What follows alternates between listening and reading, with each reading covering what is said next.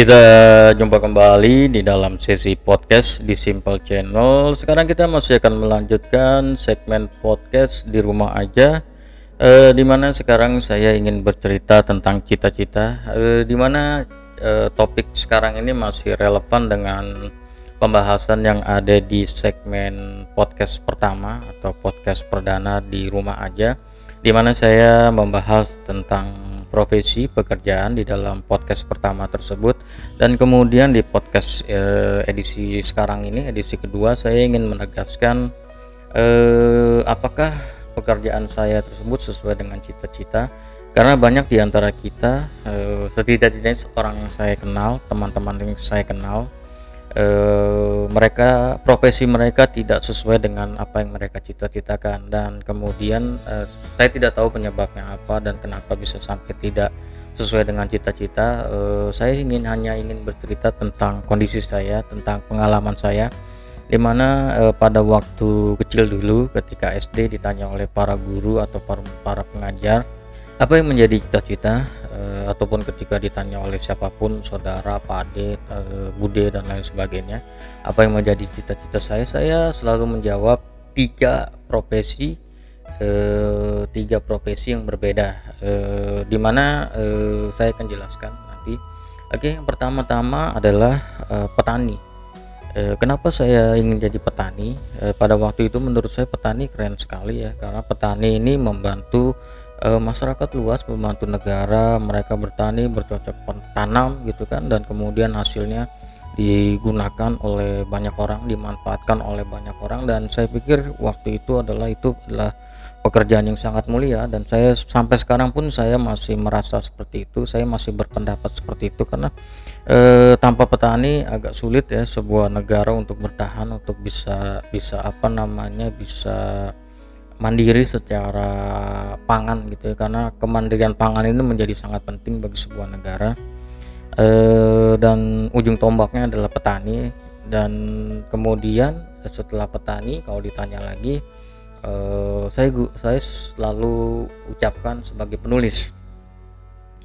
E, kenapa penulis? E, karena ketika saya masih kecil saya gemar sekali membaca. Ketika saya sudah mulai mahir membaca saya menjadi anggota di perpustakaan ya, baik perpustakaan sekolah, perpustakaan desa ataupun uh, perpustakaan kota. Uh, saya menjadi anggota member di sana dan saya bisa membaca buku-buku uh, yang sesuai dengan minat saya. Banyak saya membaca buku-buku tentang peternakan, pengembangbiakan hewan, pertanian dan lain sebagainya ya sesuai dengan minat saya sebagai petani cita-cita saya sebagai petani saya tertarik dengan bidang itu saya banyak membaca tentang itu dan saya tertarik dengan penulis adalah penulis ini luar biasa. Menurut saya mereka pintar sekali menyampaikan gagasan dan pemikiran mereka ke dalam buku menyampaikan cara-cara ke dalam buku agar para pembacanya bisa mengerti. Dan saya pikir saya ingin jadi seperti penulis itu gitu penulis buku-buku itu karena e, mereka sangat pintar mereka suka berbagi dan e,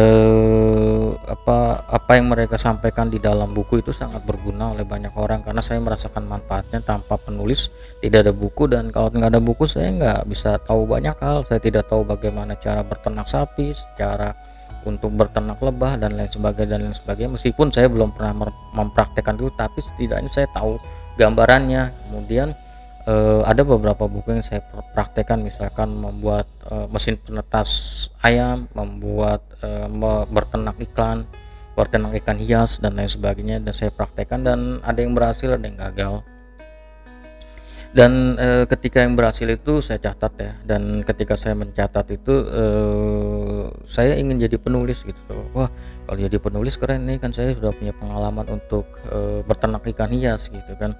Berternak ikan cupang pada waktu itu. Dan saya ingin menulis step-stepnya seperti ini. E, namun kemudian e, bagaimana cara menyampaikan pemikiran secara terstruktural dan lain sebagainya e, cara membuat tulisan yang bagus itu bagaimana caranya? Karena kan ketika di sekolah tidak ada yang mengajarkan itu.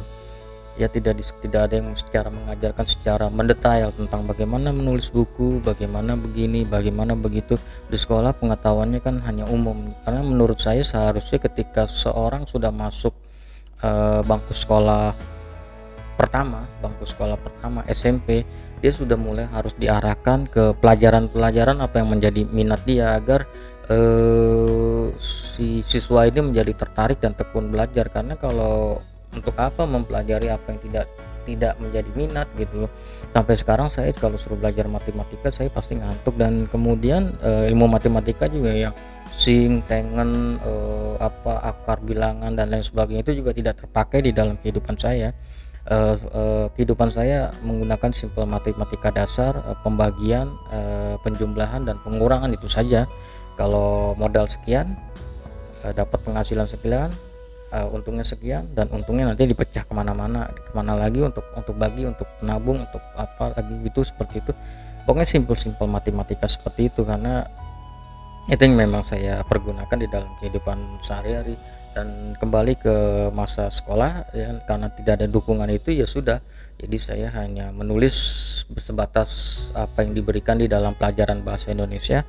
Dan itu pun menurut saya tidak mencukupi waktu itu kalau memang menjadi ingin menjadi penulis profesional. Dan kemudian eh, bagaimana cara menerbitkan buku? Dan waktu itu juga tidak ada yang mengajarkan. Dan kemudian baru eh, di 2011 saya baru mulai menuliskan buku dan itu pun ketika saya sudah menjadi pengusaha. Pengusaha ini adalah cita-cita ketiga saya. Ketika sebetulnya ini eh, cita-cita yang tidak serius ya cita-cita yang tidak serius namun justru menjadi profesi utama saya. Kenapa tidak serius? Karena ketika saya menjawab dua cita-cita saya sebelumnya sebagai petani atau sebagai penulis banyak orang yang mengernyitkan mata bingung gitu jadi petani ngapain jadi petani gitu loh.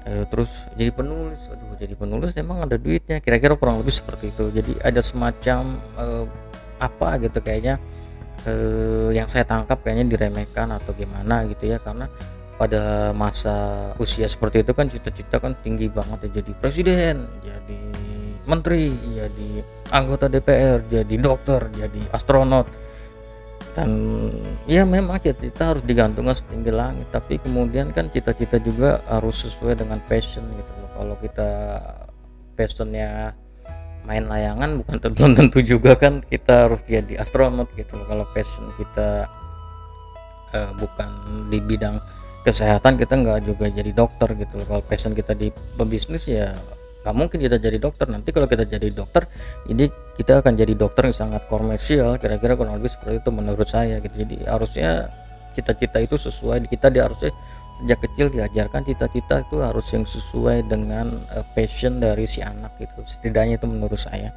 Dan kemudian kembali ke jadi eh, cita-cita pengusaha saya kemudian mm, memunculkan suatu cita-cita keren yang di mata orang keren adalah sebagai pengusaha. Ya memang sebagai pengusaha banyak orang oh bagus pengusaha ya jadi pengusaha sukses ya dan lain sebagainya dan lain sebagainya seperti itu. Dan meskipun e, sebetulnya saya pikir waktu itu saya nggak punya gambar jadi pengusaha karena passion saya jadi petani atau penulis.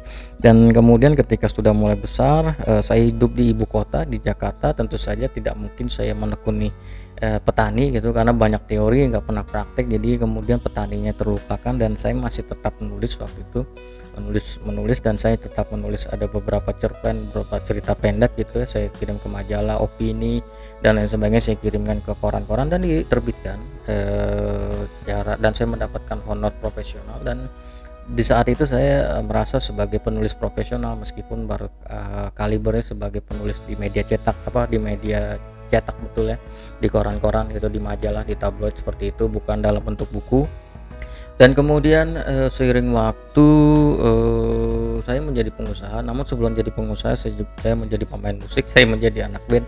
Ini adalah salah satu uh, profesi atau kegiatan aktivitas yang tidak pernah saya ada di dalam benak saya. Waktu kecil saya menjadi pemain musik jadi anak band. Saya akan cerita di dalam podcast podcast uh, berikutnya tentang menjadi anak band ini kenapa jadi anak band dan lain sebagainya saya akan ceritakan di dalam podcast uh, berikutnya. Sekarang saya ingin membahas tentang pengusaha itu dan kemudian kehidupan membawa saya menjadi pengusaha yaitu pengusaha web design uh, justru ini tidak ada kaitan dengan cita-cita awal saya dua cita-cita sebelumnya.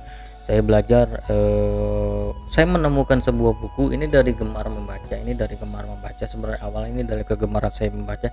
Saya menemukan sebuah buku tentang pembuatan website yang sangat bagus sekali uh, waktu itu pengarangnya ada Standy Besakur, uh, Besakur ya uh, pengarang uh, penul tema yang diangkat adalah penulisan coding ASP untuk website sekolah komunitas ya seperti itu kurang lebih dan uh, saya pelajari itu dan saya tertarik dengan dunia web design dan kemudian saya belajar saya beli buku banyak tentang web design saya belajar saya belajar dan uh, saya tidak mendapat dukungan secara pendidikan formal untuk web design dan juga kepenulisan eh, saya semua belajar secara ortodidak secara mandiri dan melalui buku-buku karena waktu itu kan internet YouTube belum ada. Jadi melalui buku-buku buku adalah eh, media utama untuk belajar pada saat itu. Dan kenapa kemudian saya sangat terinspirasi untuk menjadi penulis? Ya itu karena saya banyak mendapatkan manfaat dari buku dan buku itu ditulis oleh orang tanpa orang penulis tanpa penulis itu ya buku nggak ada. Jadi saya tidak bisa mendapatkan manfaat kalau tidak ada buku.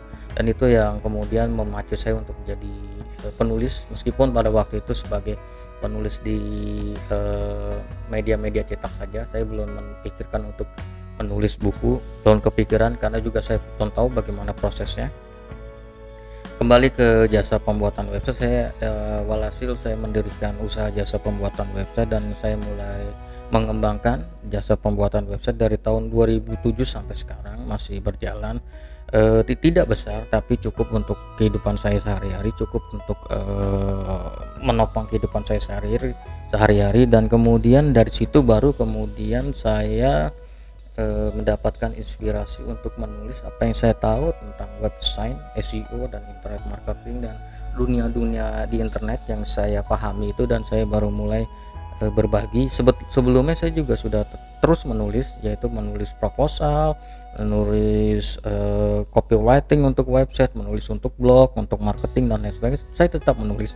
Dan seiring dengan profesi pengusaha saya terus menulis dan kepenulisan saya e, terus terasah dari waktu ke waktu sehingga kemudian saya e, tahu bagaimana cara memformulasikan e, pemikiran secara terstruktur struktural ke dalam media uh, media tulisan dan kemudian jadilah buku buku pertama saya diterbitkan oleh media kita. Uh, namun itu bukan pertama kali saya mengajukan ke penerbit. Saya banyak sudah naskah diajukan ke saya ajukan ke penerbit dan ditolak.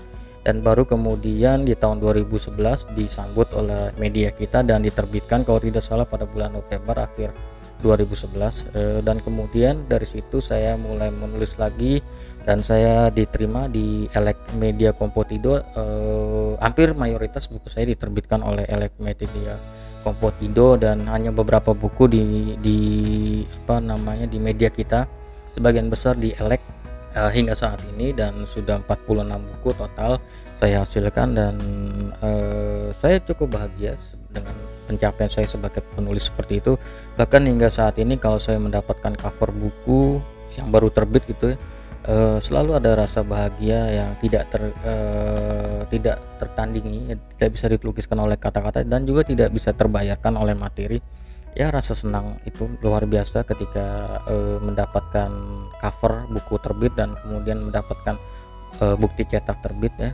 Dan itu tiga tiga tiga cita-cita saya untuk penulis dan pengusaha uh, somehow uh, bisa terwujud uh, untuk petani uh, saya nggak tahu apakah itu harus saya kubur atau saya lupakan atau nanti one day akan saya uh, wujudkan ketika mungkin saya sudah banyak uang sukses jadi penulis dan pengusaha. Dan kemudian saya beli rumah di bawah kaki gunung di pedesaan nah, dengan lahan yang cukup luas dan saya bisa mulai belajar bertani.